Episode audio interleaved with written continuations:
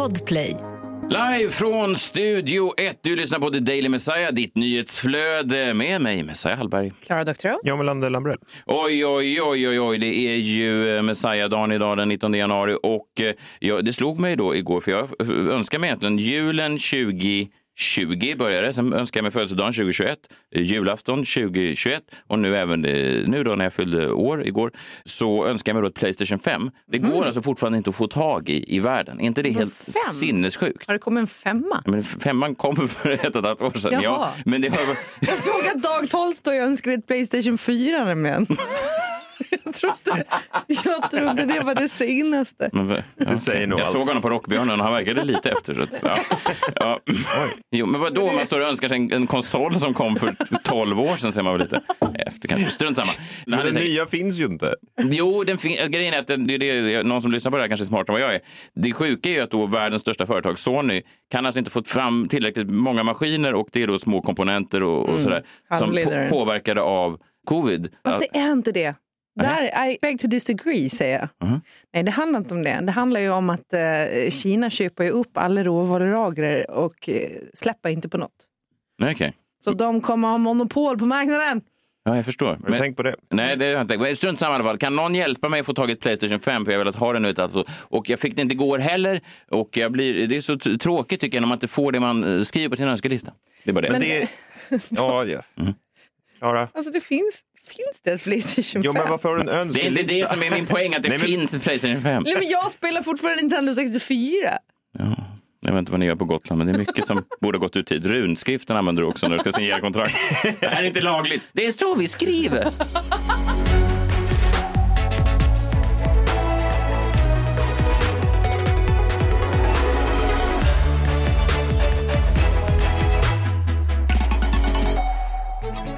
Nej, vi ska inte dra några stora växlar av det, men det är ju så att säga Messiah-dagen.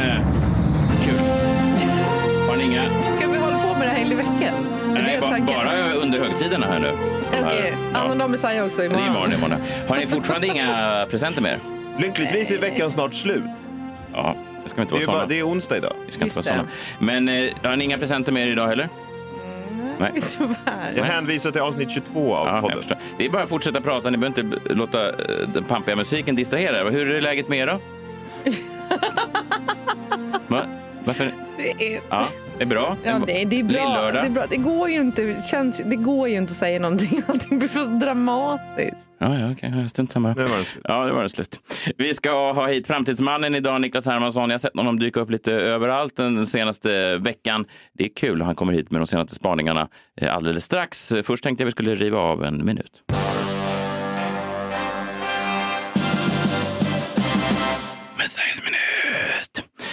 Jag eh, blev av med min plånbok eh, förra veckan och eh, letade överallt. Ni vet, jag vet inte hur ni är med, med sånt där, eh, när man eh, blir av med något. Det är nästan en av mina värsta känslor. Nu har jag aldrig haft någon svår livshotande sjukdom. Jag kan tänka mig att det kanske är ännu värre såklart. Men, men just det där när man vet en känsla som kryper i kroppen, att man har förlorat någonting som man bara går och letar efter. Det är ty- typ plånbok, mobil, sånt där.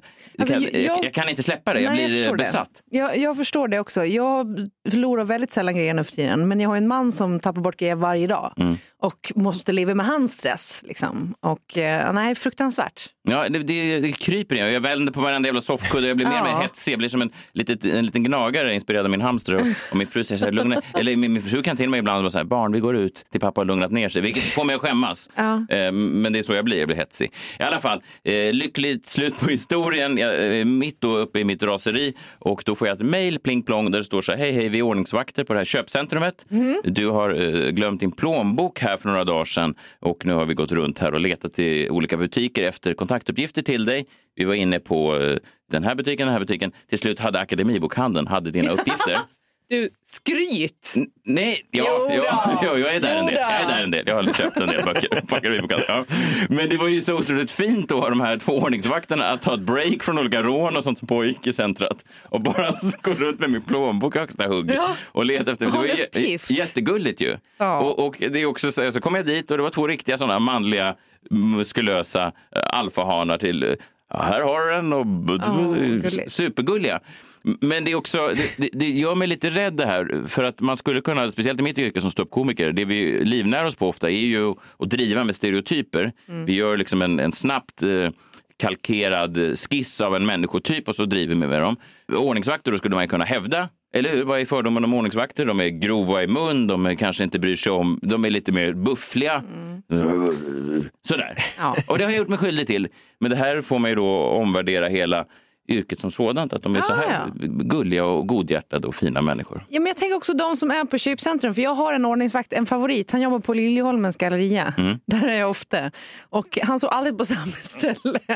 Eh, Han står alltid på samma ställe. ja, mellan våningarna så står han och hänger på räcket och tittar bara och tuggar tuggummi. Det är som i Seinfeld, där han som sitter i en gungstol och somnar. Nej, men jag, och jag går alltid fram till honom och frågar honom om diverse grejer. Jag har lite dålig koll på den där gallerian. Men jag tycker bara att det är mysigt att de finns och att de liksom, man kan ju faktiskt prata med dem också. Men de kanske också var exalterade. De hade ju kanske inte sett en plånbok sedan 70-talet. Så när, när de försvann Nej, på sant. marknaden. Ja, men- Efter mobiltelefonen och annat. men, men det har ju då bara... Vad har du i plånboken? Kvitton Men och... vadå, menar du att du inte har en plånboken? Inte haft haft plå- Nej, såklart inte. Vad- Ingen människa har en plånbok. Jo, det jag och har många vi. andra. Nej, Jo. Ja, men då så här i bakfickan så man ser plånboken sticka ut på. Företagskort, du har, måste stoppa kvittona där när du tar Gud, någonting på konstigt. företaget. när du- Mynten, alla mynt. Gud vad konstigt. Mynt har man ju inte. Jo, det har jag. Eh, gamla, gamla mynt. Tioöringar. Som jag betalar små kolor med. Eh, i alla fall. Det här har då fått mig att överväga om jag kanske har haft fel i andra sådana stereotyper som jag då har livnärt mig på de här senaste eh, 12 åren. För jag såg ett klipp på TV4-nyheterna. Det var då en kvinna, en frisör, 27-åriga Cecilia. Hon har inte vaccinerat sig mot eh, covid. Nej. Eh, Hon har valt att inte göra det. Eh, Hon hade då en egen teori här om varför hon inte har valt att göra det och vad hon hoppas att hennes budskap ska bli till omvärlden. Mina förhoppningar är att de här eh, kritiska rösterna som vi inte har hört så mycket får höras. Så att det kan bli en debatt och att man då när man blir presenterad två sidor eller två perspektiv kan fatta ett eh, något mer informerat och självständigt beslut. Just det. Eh, där har ni det. Genom att höra hennes eh, okunniga eh, åsikt så får man då två sidor av myntet. Det finns alltid två sidor av alla mynt. Det här har ju människor hävdat i alla tider eh, att eh, ja, så där kanske vetenskapsmännen säger. Men har ni tänkt på den andra sidan av myntet? det har jag och det har, kan ni bara höra här från mig på Larsas kiosk. Driver ofta en kiosk. Ja. Eh, och det här är då den gamla, jag, den gamla Messiah som säger, aha, varför skulle en frisör veta bättre än samhällets alla eh, samlade vetenskapsmän? Mm. Men eh, efter ordningsvaktsincidenten så tänker jag att ja, det kanske är hon som har kollen. Det kanske är hon som vet. Varför ska man inte lyssna på frisörerna i samhället när det gäller allvarliga vetenskapsfrågor? Kanske är det nu jag som ramlar in på hennes salong. Jag vet inte vad den kan heta. Kan den heta saxofön? Kanske, jag vet inte. Kan den, kan den heta Magica de Sax? Jag har ingen aning. Men så säger jag, jag vill prata med Cecilia, en av vår tids främsta klipp och vetenskapsexperter. För jag tänker bara, det har förändrat min bild. Det är det jag Ja, säger. ja, ja, det- du tror så. Ja, Ja. det är det jag säger. Det här har liksom ändrat hela världen. Alla regler är avskrivna. Vad händer härnäst? Personliga tränare som har ett avspänt förhållande till mat. Man har ingen aning vad som helst kan hända. Folk från mittersta Skåne som inte tycker att det är lite väl många nu. Eller nyblivna mammor med självdistans och humor. Vad som helst kan hända. Vad som helst kan hända. Världen är upp och ner. Det är nya spelregler. Det känns som att ingenting är off the table.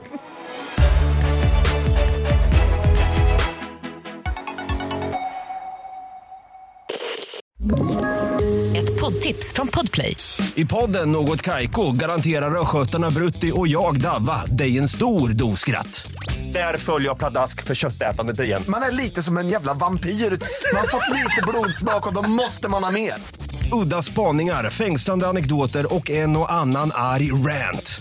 Jag måste ha mitt kaffe på morgonen för annars är jag ingen trevlig människa. Då är du ingen trevlig människa, punkt. Något Kaiko, hör du på Podplay. Därför är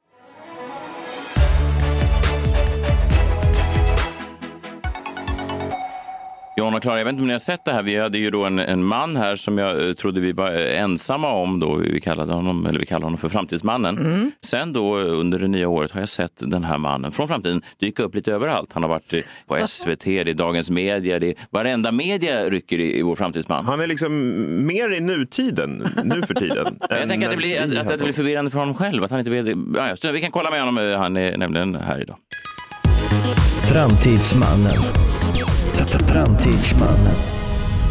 Där är han, Niklas Hermansson. Välkommen hit! Oh, tack så mycket. Hur kommer man ut härifrån? Jag vet, Man öppnar dörrar och så är det massor med olika som Nyhetsmorgon. Jag vet du redan gå? Ja, du går Ja, mellan. men jag försöker ju komma hit. Alltså som i den här eh, filmen eh, när han, eh, Matthew McConaughey seglar in i, i den här, vad är det, parallella... Interstellar. Ja, men- Interstellar, Interstellar. Jag var inne på Jim Carrey och hans Truman Show-världen. Han seglar ju också in i någon och så tar det stopp. ja. Det är tur att ingen av er jobbar på Filmkrönikan, det numera nedlagda programmet. Eller så var det så att ni ledde fram till... Ja, det var nog det. Ja, kanske. Eh, nej, men kul att se dig göra lite framtidsspaningar överallt nu. Ja, men, ja, men precis. Det händer ju mycket hela tiden. Och jag har ju med några grejer till er också. Okej. Jag, alltid de bästa, Mm. eh, skulle jag säga. De sparar du till oss. Ja men exakt, det har ju varit rafflande dramatik i Australien. Jag vet inte om ni har sett det här, men ett album med fågelsånger eller då kvitter från Australiens 53 mest hotade fågelarter. De har alltså tagit in sig på topplistan där i Australien och petat ner ABBA till exempel. Va? Ja. Och The Weeknd, är något popband som är stort. Men då den här skivan, då, den tog sig rakt in på femteplatsen och petade ner resten. Men jag kan Otroligt. förstå det här. Alltså jag tycker det är otroligt fascinerande med fåglar. Det är något som kommer med åldern också. Jag vet att bara eh, för något år sedan så hade ju en mandarinand landat då bakom eh, Circle K där jag bor och, och hängde där. Alltså de är Jävlar. jätteovanliga i Sverige. Ja. Och sen så såg jag att det var en sån här kungsfiskare eller någonting också nere i Nynäshamnstrakten. Så jag blev liksom sugen på att ta upp det här. Men jag förstår australiensarna. De är, de är något på spåret. Det här är trendigt. Är de verkligen det? Har, har vi... Jo, men det, jag tycker, vi- det- här är alltså ljud som, det är någon snubbe som heter David Stewart, han kallas för a wildlife sound recordist. Man ja, spelar in ljud. Då. Han har samlat på sig de här ljuden under 30 år. Jag tänkte Ja. vi kanske kan lyssna på, på ett ljud för att höra hur storslaget Vilken då. bedrift. Otroligt. Det här är då alltså direkt från den australiensiska topplistan.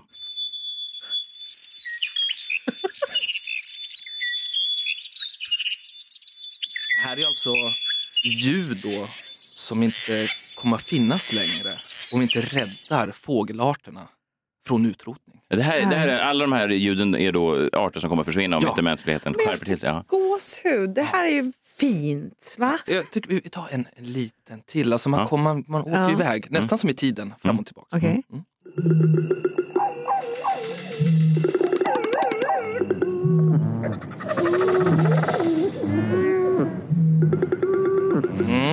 Ja, det, är- det är faktiskt det är väldigt, det är stämningsfullt. Jag det. tycker det är starkt. Ja.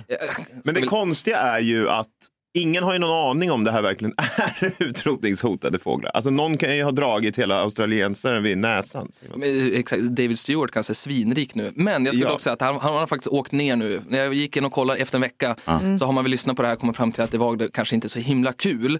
Men vad det här egentligen är, det är ju faktiskt en större fråga. Det här är ju alltså klimathotet som är boven i draman här. Det här handlar ju alltså om skogsbränder. Och därför så är var sjätte fågel i Australien utrotningshotad. Men Det är ju sjukt ju. Var sjätte. Ja, så är det. Så därför har man släppt den här skivan och det, pengarna ska gå då Ja. till eh, att bevara de här fåglarna. Fint. Jag måste säga att när du först kom in och sa det här så tänkte jag att nej, det här är nog ingenting för mig. Men sen när man spelar dem, jag kan tänka mig också att det är bra, det här menar jag inte som någon diss, men eh, bra att sätta på och, och somna till. Ja, Ja. exakt. Alltså, som, vissa har ju här regnljud och sånt där. Det var väldigt eh, ambianskt, hittade jag på ett ord där. Mm. Ja. Men apropå musik då så har ju massor av rättighetsskyddat eh, material eller innehåll eller musik eh, så släppts fritt i USA. Det här händer alltså varje nyårsdag. Och den här gången så handlar det om material från 1926 och ännu tidigare. Till exempel då, så nu så får man göra vad man vill med Nalle Puh. Jaha. Vad man vill. Men Det finns ju vissa, ja, alltså. Bambi då? det är också Nej, faktiskt det usch. andra exemplet. R- Ryan Reynolds, ni vet, han är ju en sån skådis som Mm. har... Oh, gud, min man tjatar om honom jämt. Ja, han är en sån som killar gillar tror jag. Ja, Eller hur? det verkar så. Ja. Han har redan använt Nalle Puh för att marknadsföra sitt mobiltelefonföretag. Han skulle också kunna högläsa ur Ernest Hemingways roman The Sun Also Rises för att kränga sin, han har ju gin också, eh, Ryan Reynolds. Men vad, vad det här är, det är allt, man kan alltså göra vad man vill, reklam, man kan liksom, man får lyssna på det här gratis och så vidare. Och det, varför jag nämner det här då, det är att det finns nu 400 000 ljudinspelningar som är 100 år eller äldre. Och jag kan tänka mig så att du verkligen skulle gilla, det är så gammal musik, jag ser det på dig, alltså hur du gillar gamla grejer. Så jag har med mig liksom en present här, en jazzpärla Ja. som är alltså från 1920 och man kan verkligen känna liksom att man åker tillbaks i tiden. Vadå, så man- Vi skulle kunna använda det här till jombolan exempel? Ja, exakt. Ja, det är inte bra för just nu har vi bara riktig skitvinjett. Det här är alltså Don't Care Blues av Mammy Smith and her Jazz Hounds. Bra namn.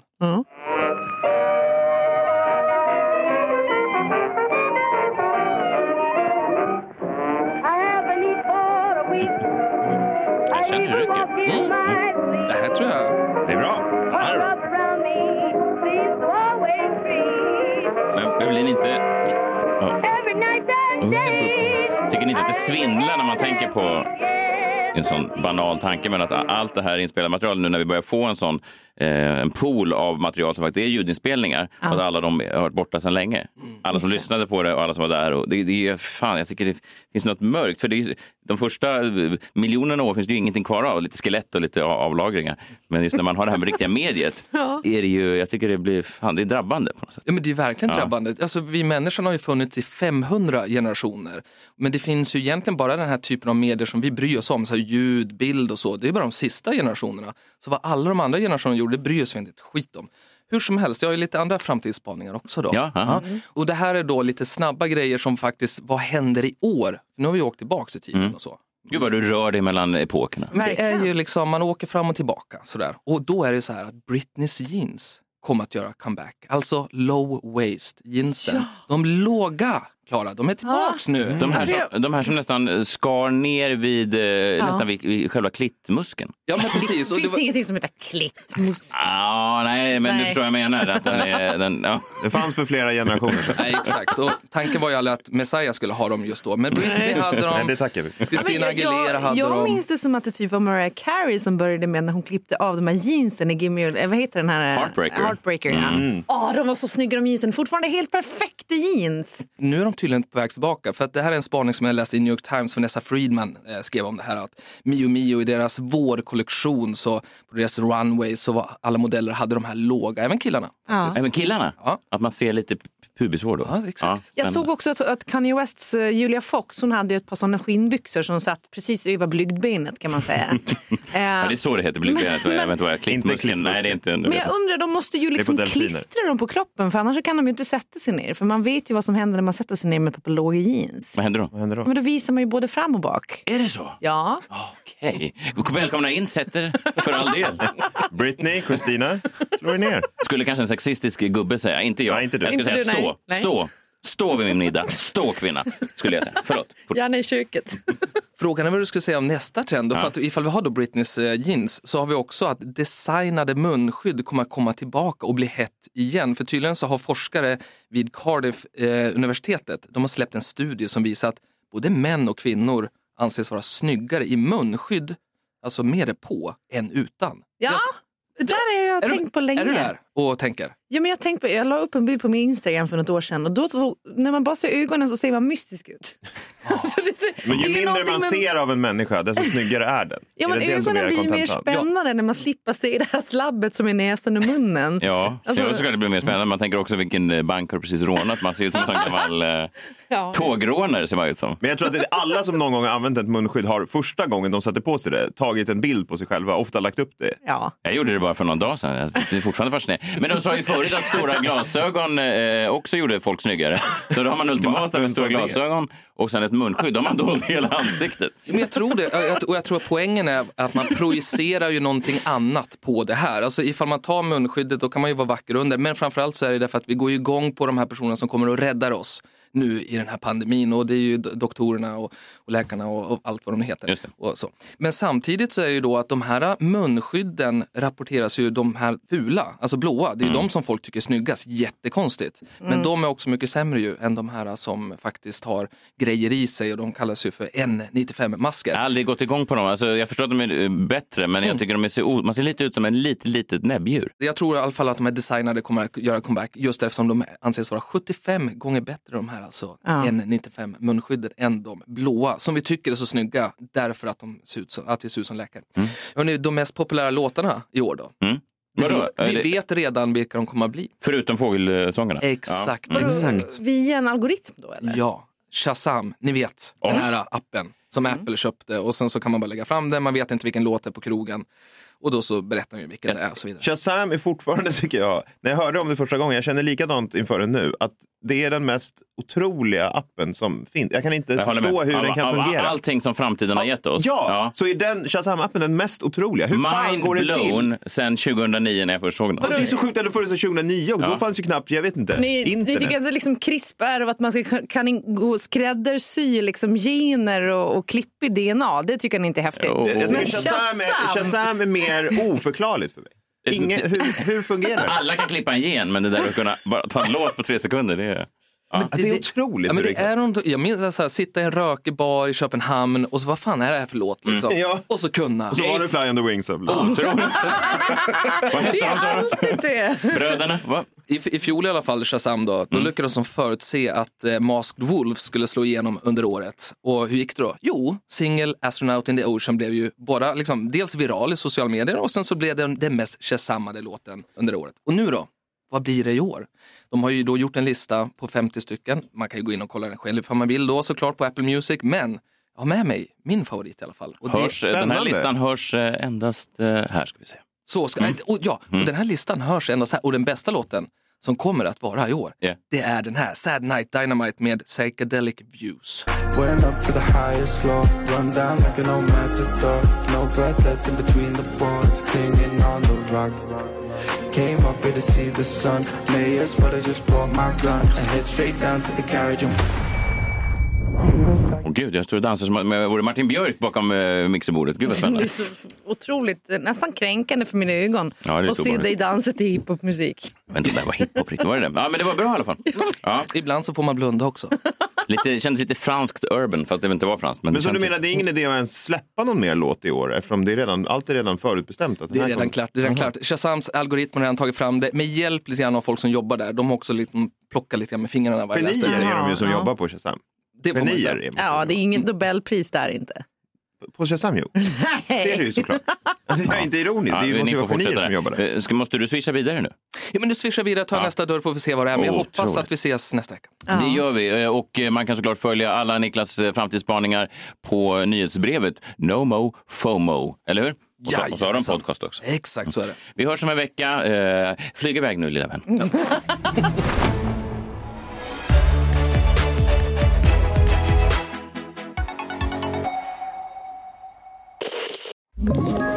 Ett poddtips från Podplay. I fallen jag aldrig glömmer djupdyker Hasse Aro i arbetet bakom några av Sveriges mest uppseendeväckande brottsutredningar. Går vi in med hemlig telefonavlyssning och, och då upplever vi att vi får en total förändring av hans beteende. Vad är det som händer nu? Vem är det som läcker? Och så säger han att jag är kriminell, jag har varit kriminell i hela mitt liv men att mörda ett barn, där går min gräns. Nya säsongen av Fallen jag aldrig glömmer på Podplay.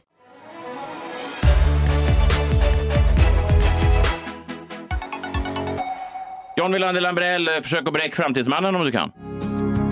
Nu är det dags för Jombolan. Nu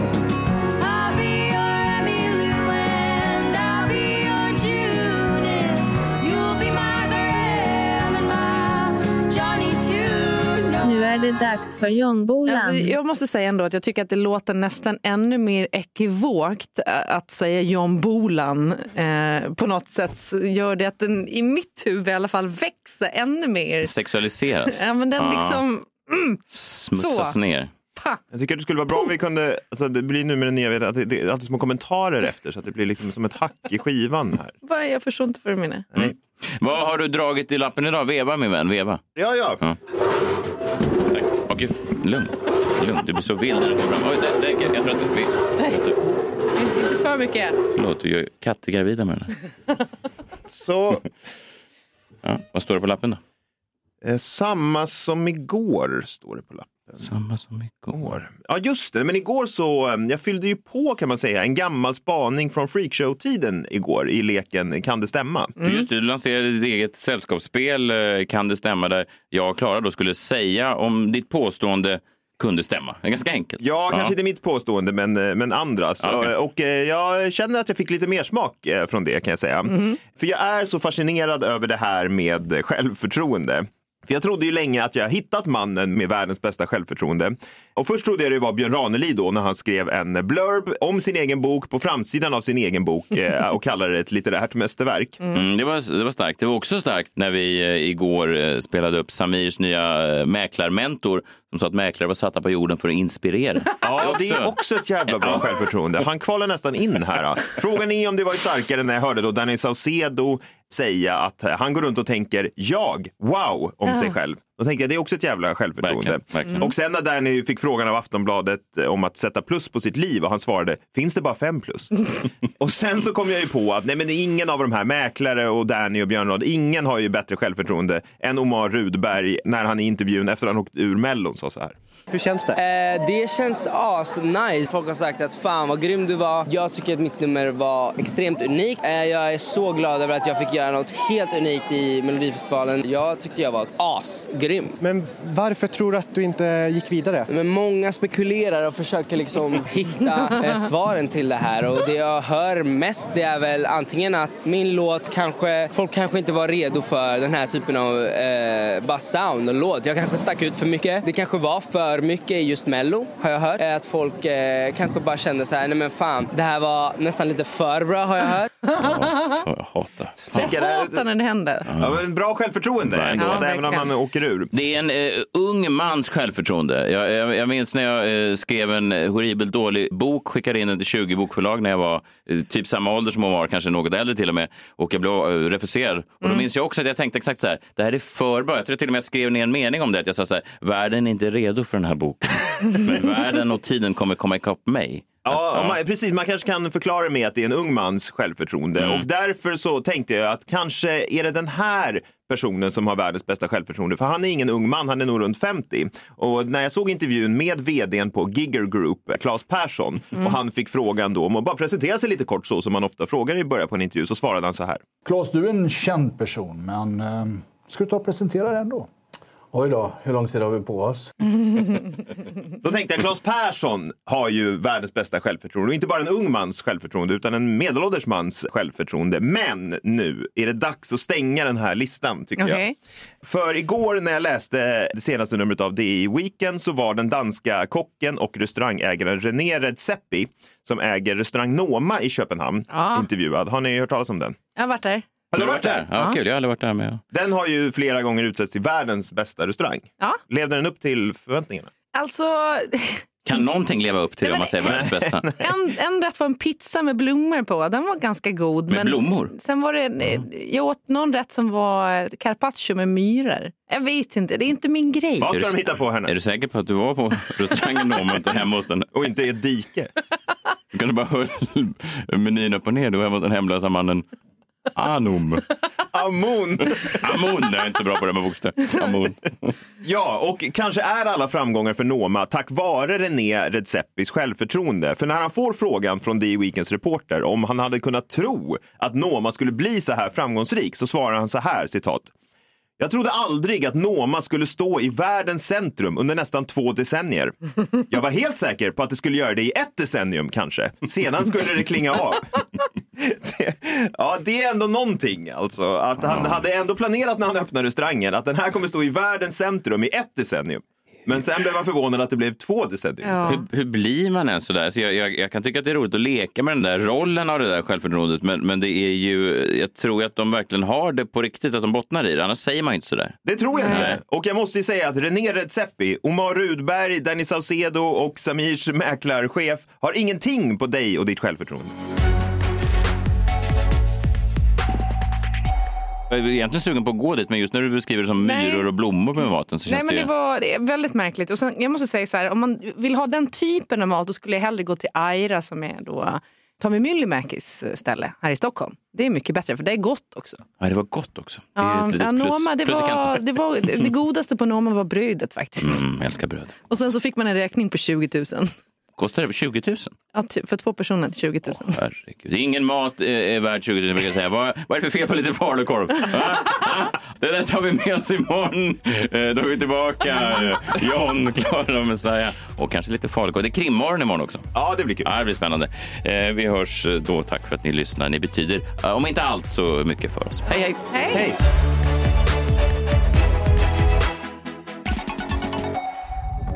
Podplay, en del av Power Media. Ett poddtips från Podplay. I fallen jag aldrig glömmer djupdyker Hasse Aro i arbetet bakom några av Sveriges mest uppseendeväckande brottsutredningar. Går vi in med hemlig telefonavlyssning och, och då upplever vi att vi får en total förändring av hans beteende. Vad är det som händer nu? Vem är det som läcker? Och så säger han att jag är kriminell, jag har varit kriminell i hela mitt liv men att mörda ett barn, där går min gräns. Nya säsongen av Fallen jag aldrig glömmer på Podplay.